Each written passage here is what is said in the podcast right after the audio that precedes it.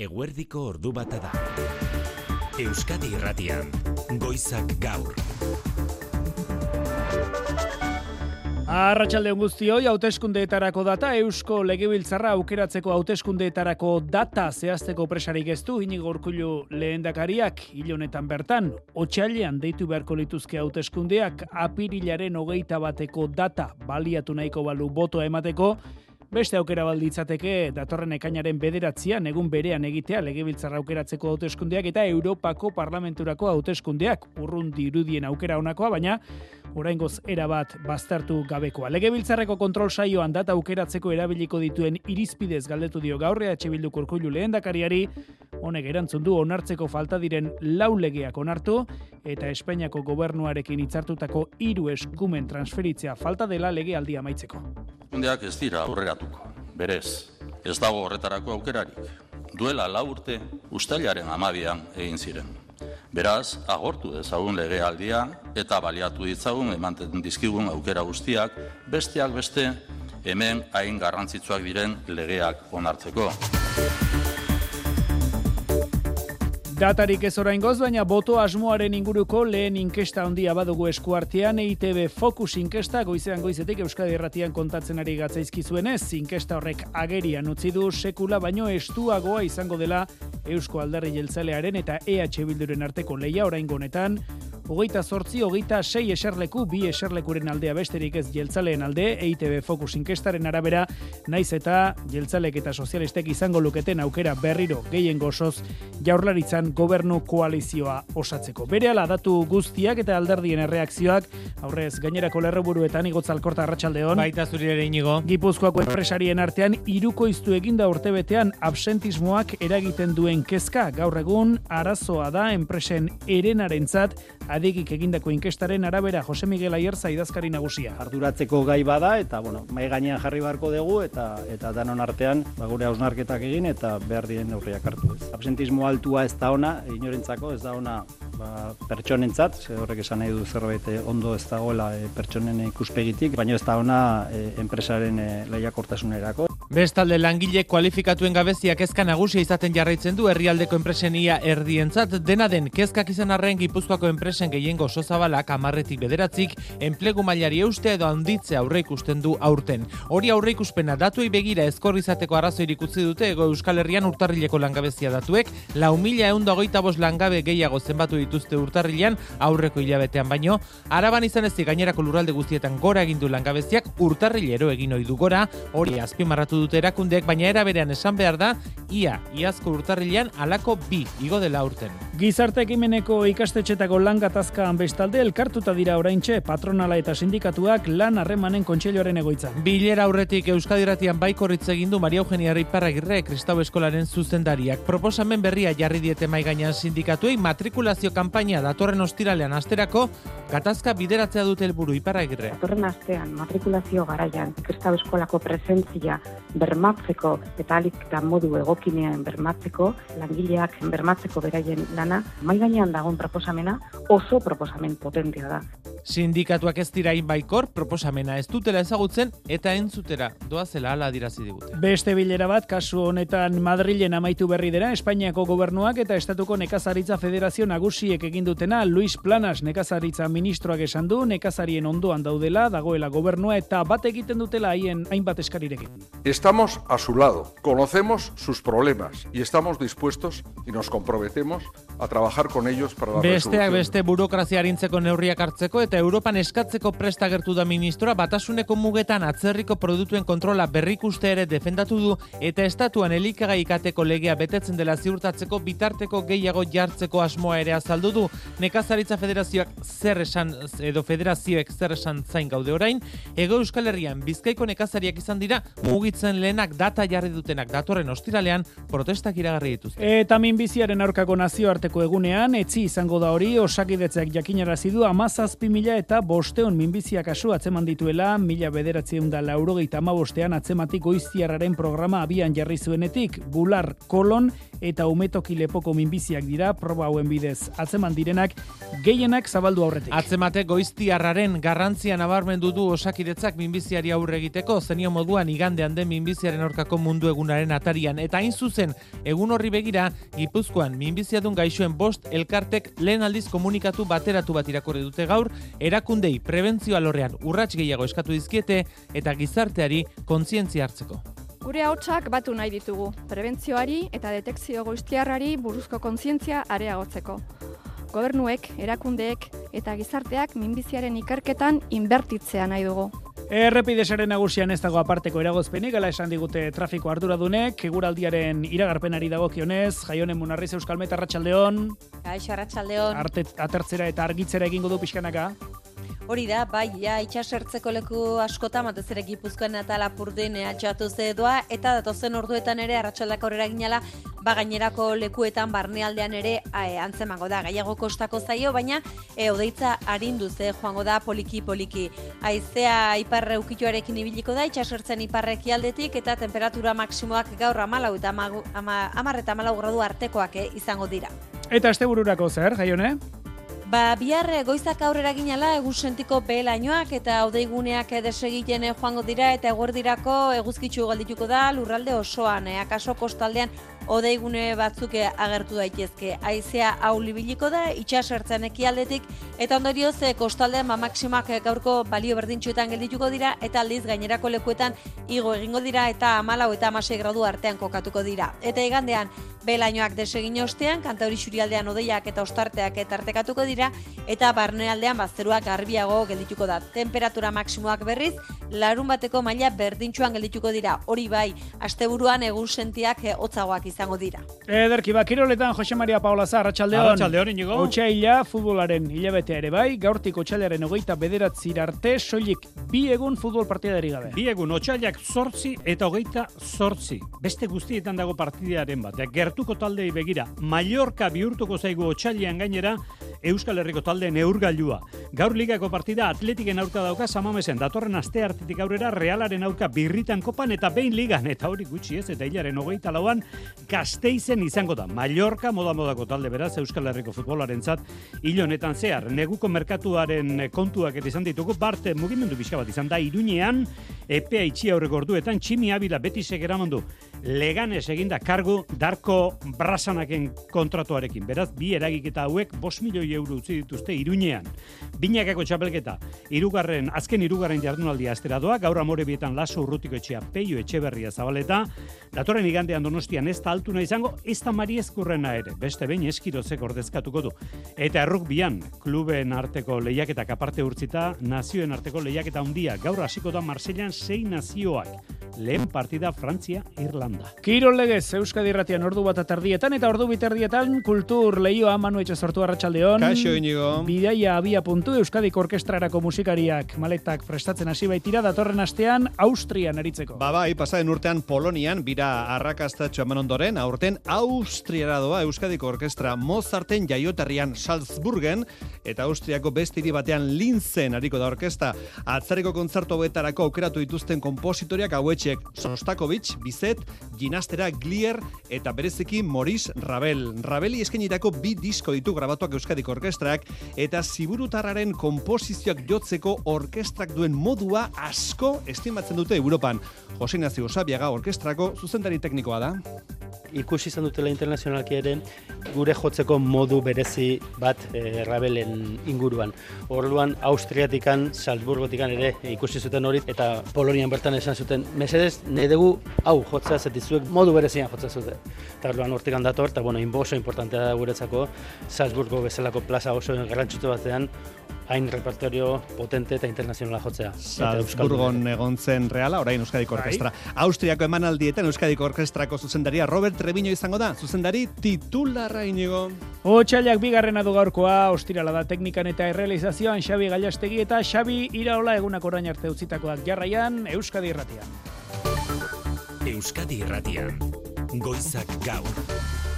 Inigo Alustiza. Eusko Legebiltzarra aukeratzeko hauteskundeetarako data zehaztu gabe jarraitzen du Inigo Urkullu lehendakariak gaur Eusko Legebiltzarrean oposizioko lehen indarrak EH Bilduk galdetu dio Euskadiko datozen hauteskundeen inguruan Urkullu lehendakariari eta espero bezala gaur ez du datarik eman eta zabalik utzi ditu gainera aukera bat baino gehiago naiz eta asko kaipatzen duten apirila apirilaren hogeita bata hauteskundeak egingo den egun gisa. Legebiltzarrean aso narozenak xetasunak arratsaldeon. Arratsaldeon ikusmin handia dago bai hauteskunde data horren inguruan eta gaur zuzenean galdetu zaio lehendakariari berak duela lau urteko bi egun gogoratu ditu. Apirilaren bostean, orduan egin behar zirela bere hauteskundeak, baina pandemia tarteko ez zirela uztailaren amabira arte egin eta beraz ez direla hauteskundeak aurreratuko eta legealdia amaitu aurretik badaudela egin beharrekoak dio. Beraz, agortu dezagun legealdia eta baliatu ditzagun emanten dizkigun aukera guztiak,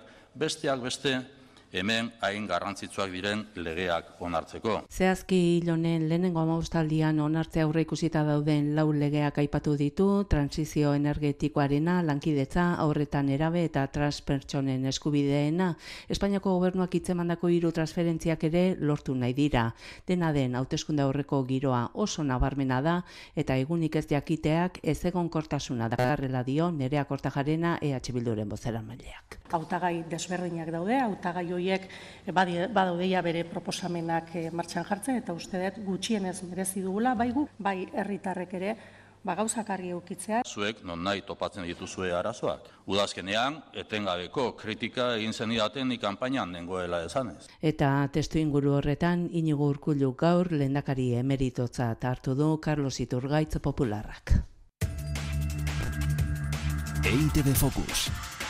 Ez dakigu hauteskundeak noik izango diren, baina gaur bertan egingo balira EITB Focus inkestaren lehen datuak baditugu. Boto asmoaren inguruan inkestak leia oso estu aurrikusten du Imanol Pradales, lehendakari gai jeltzalearen eta EH Bilduko pello txandiano lehendakari gaiaren artean. Fokusaren arabera Eusko Alderri jeltzaleak irabaziko lituzke bai hauteskundeak, baina lurralde guztietan ordezkari bana galduta EH Bilduk aldiz, azkunde bidean jarraituko luke eta jeltzalekiko tartea dezente murriztuko luke lehen indarra izatetik bi eserlekura geratuko litzateke koalizioa. Sozialistek ere gora egingo lukete, PPek egungo ordezkaria ordezkaritzari eutxiko lioke eta Vox legebiltzarretik desagertuko litzateke Podemos sumar esker konfederala deritzonari dagokionez, ba orain gauzak dauden moduan banatuta aurkeztuko balira ordezkaritzaren erdian galduko lukete. Xetasunak goian aiusto sekarratsaldeon. Arratsaldeon aukera hori eskutan hau da EITB fokusak atera duen argazkia EAJ lehen indarra hogeita zortzi eserreku lortuta baina hiru galduko lituzke lurralde bakoitzetik bat gertu oso tarte gutxira Euskal Herria bildu hogeita sei ordezkarirekin bost egingo luke gora provintzia guztietan azkundea duelako eta nabarmena Bizkaian, honek usten digu lehen lerroburua gaur egun EAJ EH Bildu arteko hartartea amar parlamentarirena da EITB fokusaren arabera bira murriztuko litzateke. Gainerako alderdietan foru eta udal autoskunden joerak errepikatuko dira. PSren azkundea bi ordezkari irabaziko lituzke, PPek eusten dio gaur egun dituen seiri, Bizkaian bat galduko luke baina araban boxi bereak enduko lioke beraz ultra eskuina legebiltzarretik desagertuko litzake. Eta Podemos sumar esparru horri dagokionez banatuta joan da, egungo sei ordezkarien erdia galduko luke beraz. Koalizioa osatzea lortzen badute, bakarra da galduko luketena. Eta gainera, bigarren aukera honekin, elkartuta aurkeztearekin, gainerako alderdietan ere, eragina izango lukete jeltzalek eta sozialistek, bana galduko lukete eta modu horretara EAJ EH Biluren arteko tartea are txikiagoa litzake ordezkari bakarranena. Hala ere, datu hauekin hipotesi batean zein bestean egungo koalizio gobernuak EAJ PS akordio horrek gehien gozoa lortuko luke.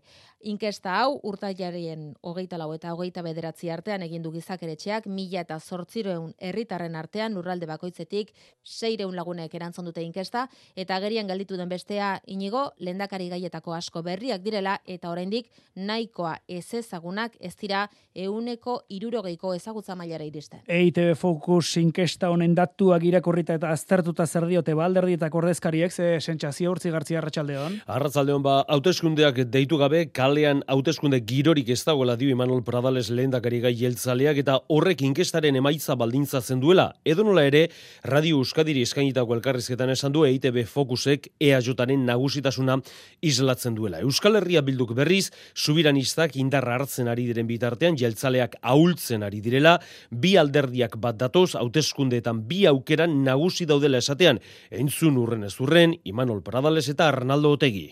Euskal gizarteak bi aukeren artean erabaki behar dagoela. Euskal Alderdi Jeltzalea ala EH Bildu. Hori dala urrengo Euskal Hauteskundean egongo dan eredu konparaketa. Bi ereduen artean aukeratu behar da. Gipuzkoako eredua, nun PNV, PSOE, PPek lehen indar politikoari gobernuak entzen diote eta beraz eskluitu egiten dute, ero iruñako eredua, esklusioa, ero inklusioa.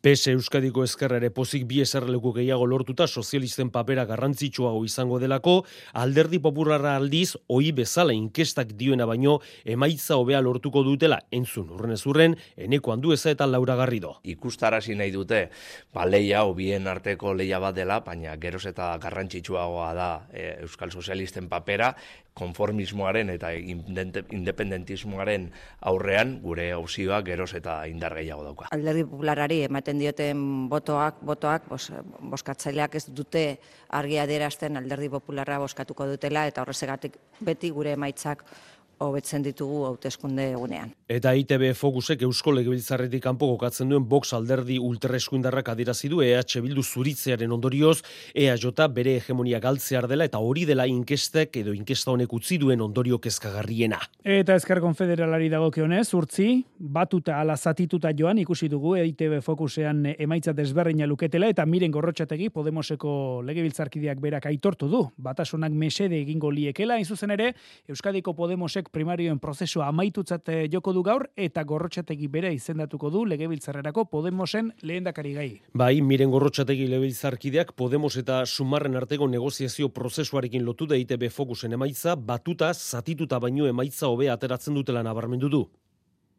Gure espazioaren batasunak emaitza hobeagoak ematen dituela eta zentzu horretan ni neu eta nire alderdia Podemos batasunaren aldekoak gara eta batasunaren alde lan egingo dugu beti. Eta argi utzi du Podemosek ez duela marra gorririk onartuko. Podemos bezala eta nine bezala betorik ez dut onartzen, ezin da betorik onartu, nik ez diot inori betori jarriko. Edo nola ere espazio hori indartzeko berari dagokion lekua edo zein dela ere onartzeko pres dagoela, arratsaldeko bostetan egingo du ekitaldia Podemosek gazteizen miren gorrotxategi lehendakari gai ofizialki izendatzeko, bitartean koalizio osatzeari begira negoziatzen segitzen duten gainerako aldeek hautagai bana aurkeztu dute, sumarrek dio gorrotxategi ez dela kontsentsuzko hautagaia eta alba Garzia Bilbotarrak izan behar duela inigo, belaunaldi berriak ordezkatuko dituen hautagaia. Ordu bata eta amazazpi minutu Kristau Eskola eta Izea patronale kudeatzen dituzte neunda hogeita marrikastetxetan, beste bos greba egun dituzte deituta oraindik sindikatuek, lan hitzarmena berritzeko mobilizazioen barruan eta beraz aurre matrikulazio kanpaina betean harrapatuko du deialdi horrek, otxaderen zazpian hasiko baita kanpaina hori horren. Jakituna gaso patronalek gaur deitu dituzte sindikatuak, bilerara lan harremanen kontseiluaren egoitzan, Bilbon, bertan da Marijo Deograzias lankidea, zer espero daiteke bilera horretatik Marijo Arratxaldeon. Arratxaldeon bai, ba, Kristau Eskolako ordezkariari kasu egiten badiegu, gatazka konponbidean jartzeko aukera legoke gaur. Euskadi Erratiko Faktorian iragarri du, Mari Eugenia Iparragirre Kristau Eskolaren zuzendari orokorrak, eskari guztiak ez, baina erdibideko akordio batera iristeko moduko proposamena ekarri dutela. Horren dela ordu erdi eskaz hasi den eh, bilerara, jakitun matrikulazio kanpainarekin batera deitutako grebek onurarik ez dietela eh, ekarriko. Akordiora bilatu behar dugulako behin eta berriro esan dut, ardura partekatu bat badaukagu eta akordio bat bilatu behar dugu. Ezin dugu datorren astera iritsi akordiorik gabe. Eta orduan azkeneko aukerak agortu behar ditugu. Hori da gure helburua, hori da gure asmoa eta asmo horrekin gaurko deialdia egin dugu. Sindikatuen ordezkariak aldiz ez dira hainbaikor agertu, ez dutela proposamena ezagutzen, baina patronala dela proposamenak egiteko ardura duena, miren zubizarreta, ela. Egun, gu datorren asterako grebak deituta ditugu jadanik, eta bueno, ez genuke iritsi nahi greba hietara, baina esaten dugun bezala horretarako edukiak egon behar dira, eta hori patronalen esku dago. Zare publikoarekin soldatak parekatzetik arago KPIaren igoera bermatzea eta feminizatuen dauden sektoren hobekuntzak eskatzen dituzte. Luze dijoa lan hitzarmena berritzeko gatazka, iazko aperiaren hogeita bosterako grebaren ondotik zazpi greba egun egin zituzten urrian eta benduan, bost urtarrilean eta beste bost deituta bituzte otxailean. Horregatik ere, guraso elkarten ordezkaritza bat elkartu da lan harremanen kontseiluaren ate aurrean, euren seme alaben ikasketa prozesuan grebak izan dezakeen eraginaz kezkatuta biharko manifestazioa deitu dute Bilbon, bitartean, ba, bilerak zer emango duen zain jarraitzen dugu, berritasuni balego jakin hartzeko dizu egunigo. Ederki, Nafarroan bitartean, irakaskuntza publikoko sindikatuek negoziazio maian eserdadila eskatu diote Carlos Jimeno ezkuntza kontseilariari. Irakaslen lan baldintzako betzeko eta ezkuntzaren kalitatea bermatzeko akordioa lotu nahi dute ezkuntza kontseilariarekin Esteilas, Ampe, Afapna, Lab, Komisiones Obreras eta UGT sindikatuek aldarrikapenen artean erosalmena bereskuratzeko soldata igoerak egonkortasuna eta ratioen jeitxiera daude. Hobekuntza hori pixkanaka era mailakatuan ezartzeko borondatea adierazi dute hezkuntza publikoko sindikatuek pelu arana bozera maila. Negoziatzeko pres gaude, baina argi dago ez garela konformatzen e, kontseilariak esaten duenarekin. Kontseilariak e, bakarrik e, onartzen du e, murrizketa hori lotzea e, zea talde bak, batean behar izan espezifikoak baldin badaude. Gu uste dugu hori aurrela izan daitekela, baina baita aldi berean e, jaitxiera lineala, maila guztietan. Jo dezagun orain Madrilera amaitu berri baita Espainiako nekazaritza ministroak eta nekazari alorreko sindikatuek egin duten bilera. Espainiako gobernuak bat egin du nekazarien hainbat eskarirekin eta elkarrekin lan egiteko eskaintza egin die bilera horretan Estatuko Federazio Nagusiei Luis Planas nekazaritza ministroak. Gobernuak lanerako borondatea adierazi du bai nekazal elkarteentzat nahiko alda hori? Izaro Baza Madrid arratsaldeon Arratzaldeon bai bi ordu segun dira batzartuta Luis Planas nekasaritza ministroa eta UPA, Asaja eta Koak nekasari elkartekin nagusiak. Ba, ministroa, orain, ministroak orain bertan esan berri du nekasarien eskakizunak ulertzen dituela eta mai gainean jarri dituzten eskaera guztiak betetzeko lan egingo duela bermatu du Espainiako gobernuaren konpromesua luzatu berri du.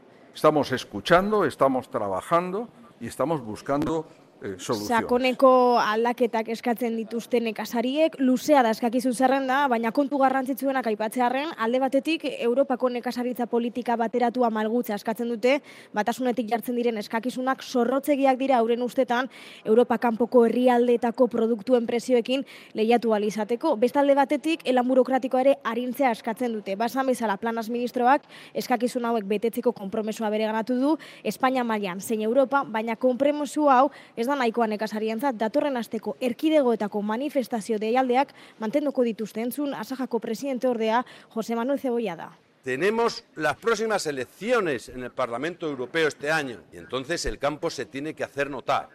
No puede ser Nekasariak oraindik adierazpenak egiten ari dira, hala ere aipatu inigo, hemen ministerioaren kanpoan hogeita mar bat nekasari daudela elkarretaratzea egiten. Ego Euskal Herrian lehen protestak jada deitu dituzte, datorren ostiralerako Bilbon, Bizkaiko enek eta enbakigotz. Merkataritza askeko akordioen negoziazio ketetea, tartea Merkosur aipatzen dute, baserritarrei ekoizpen kostuak ordainduko zaizkiela bermatzea, eta Europako nekazaritza politika eta diru laguntza banatzeko modua simplifikatzea. Hiru eskari nagusi horiekin datoren ostiral goizean jakinarazi dute Bilboko areatzen elkartuko direla traktoreak eta bertan egingo dutela protesta. Ipar Euskal Herrian bien bitartean autobidetako blokeoak amaitu dira, baina beste ekintza batzuekin jarraitzen du FDSA sindikatuak Azparneko Leclerken eta Intermarchen eta Angeluko Carrefourren izan dira goizean, egalim legea betetzea eskatu dute hauek ere, banatzaileen eta saltoki handien aldetik prezio egokiak jasotzeko sortu zuten legea. Ego Euskal Herrian lau mila egun da langabe gehiago zenbatu dituzte, amaitu berri den urtarrilean, ia zilabete berean baino, bi bider handiagoa da igoera, zerbitzuen sektorean izan da, lanpostu galera handiena, gabonetako kanpaina amaitu ondoren, une honetan,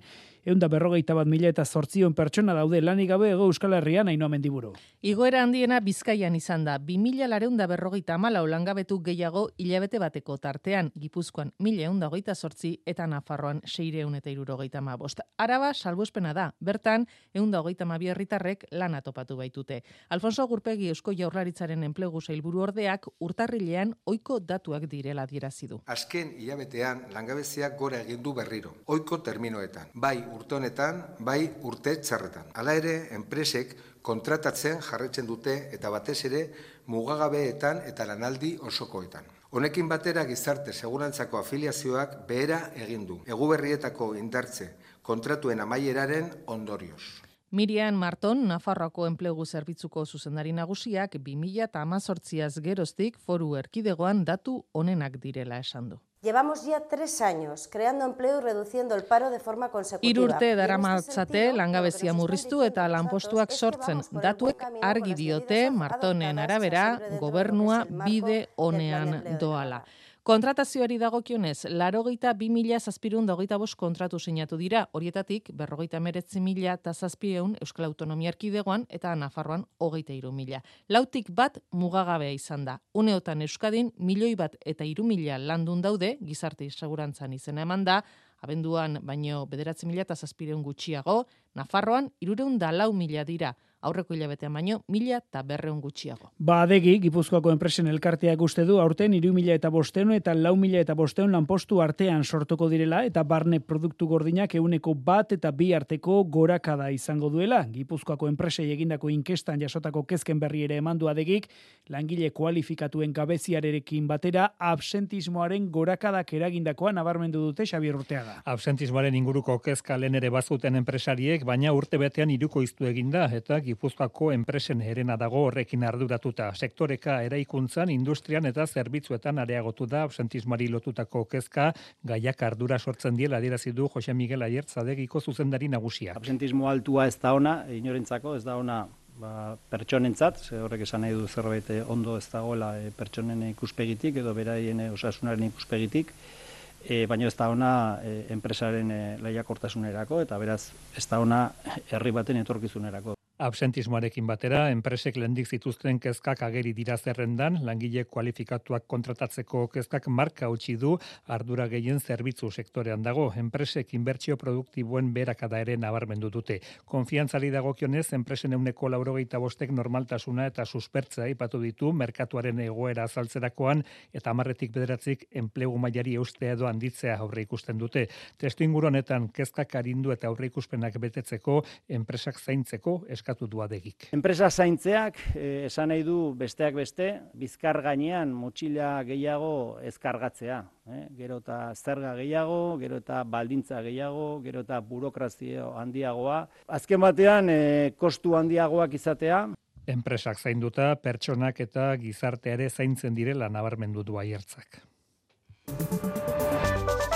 Ordu bat eta ia hogeita zazpi minutu ekialde urbilean Israelen eta Hamasen arteko sueten akordioa bai estatu zain, borrokak areagotu egin dira eta gazako erasoaldia egoaldera, Rafa aldera zabalduko duela, jakinarazi du gaur Israelgo armadak mertxetxe berri arratsaldeon. Arratsaldeon Han Junisen Hamasen brigadak desegitea lortu dutela, jakinarazi du Joaf Galant Israelgo defentsa ministroak. Jatiba sel janionez, e, itpaga beze Eta inguru horretan helburuak beteta iragarri du lurreko erasoaldia hegoaldera mugituko duela Israelgo armadak bada iragarpenak izua eragin du Rafa inguruan bertan dago pilatuta Gazako populazioaren erdia baino gehiago asko kanpin dendetan eta estalperi gabe bizi dira datorrenaren aurrean kezka azaldu du nazio batuen erakundeak. Rafa is a pressure cooker of despair, and we fear for what comes next. Desesperazioz gainezka egiteko zorian da Gaza, esan du Jens Larken giza eskubetako bulegoko ordezkariak eta okerrena iristear egon daiteke. Gazatik kanpo Siriako hiriburuan hiru pertsonaren eriotza eragin du, ustez Israelek drone bidez egindako erasoak hildakoen artean zen Irango guardia iraultzaileko kide bat, bada Irandik bertako presidenteak Ibrahim Raisi adierazi du Iranek ez duela inongo asmorik gerrarik abiatzeko, baina ez duela inoren mehatxurik onartuko. Eta albistegi amaitu horretik, tokian tokiko informazioari dagokionez, Donostian, Miguel Don, Xabi Alonso futbol jokalari hoiak ereikitako txaleta legez kanpokoa dela salatu dute beste behin ere haren aurka egin duten aritzalden Artur Zalen elkarteak, Igeldoko herri kontseiluak eta Ieltxo elkarteak irregulartasunen zerrenda amaiezina dela adierazi dute, kasuak aurrekari arriskutsua zabaldezakela ere bai, eta ipaia epaia irmoa denean txaleta eraitsi egin beharko dela irati barren arratsaldeon. Arratsaldeon soka luzea ekarri duen kontua gogoratuko dugu martutenen desjabetu zen baserri bat berrera ikizutela igeldon, baina berrera denak ez duela zer ikusirik desjabetu zen baserriarekin, elkarte kudalari aurkeztu zioten salaketan, dozena bat irregulartasun zeuden, etxearen kokapena, pistina eraiki izana, edo sarbiderik ez izatea, entzun karmele garmendia ieltxo elkarteko kidea. Txaleta legez kanpokoa da, eta ezin da legeztatu. Irregulartasun pila daude tartean. Legezko epen urraketak, izapidetzen jaso ez diren kokapenak, existitzen ez diren baldintzazko txostenak, legeak baimentzen duena baina askoz gehiago eraikitzea. Honek aurrekariak sorditzakelakoan neurriak eskatu dizkiote erakundei. Beharrezkoak diren arauak eta moldaketak idaztea. Desjabetze espediente batek nahierara berrera ikitzea eta espekulazio eragin ez dezan gehiago. Hau ezin derrepikatu ez igeldon ez inon. Argi dute, epaia irmoa denean txaleta eraitsi egin beharko dela, eneko goia alkateak aste honetan o, berau ez estatu zuen arren, orain gertatutakoa ikertu, eta erantzukizun tekniko zein politikoak ebaztea eskatu dute. Ordu eta tardiak jotzear. Euskadi irratian eguraldia eta trafikoa. Errepidetan zer da orain txea hartu beharrekoa, Luiseron? Eragozpen bakarra, NSIBB errepidean zigoitian bilborako noranzkoan, auto bat bidetik atera. atera da, zauriturik ez dago, eta inguru horretan arreta zibiltzea gomendatzen dute segurtasun saietik. Eguraldiari dagokionez, eh, datozen orduotan argitzera egingo duela, esan digu Euskalmetek, eta astebururako oro argiro eguzkitsua iragarri dugu. Datozen orduetan, odeitza zertxu baite harinduze joango da, eta guzkiak ba, hainbate zonaldetan zula aldatzea lortuko du. Nafarroa erdi eta egualdean berriz, ba, eguzkitzu jarraituko du aroak eta iparraizeak indarra galduko du. Temperatura maksimoak amar eta amala gradu artekoak izango dira eta baliorik altuenak egualdean neurtuko dira. Eta alarun batean e, goizak aurrera gina lagun sentiko belainoak eta odeiguneak desegiten joango dira eta eguerdirako eguzkitzu geldituko da lurralde osoan. Akaso kostaldean odeigune batzuk e, agertuko dira. Eta egoera errepikatuko da igandean ere.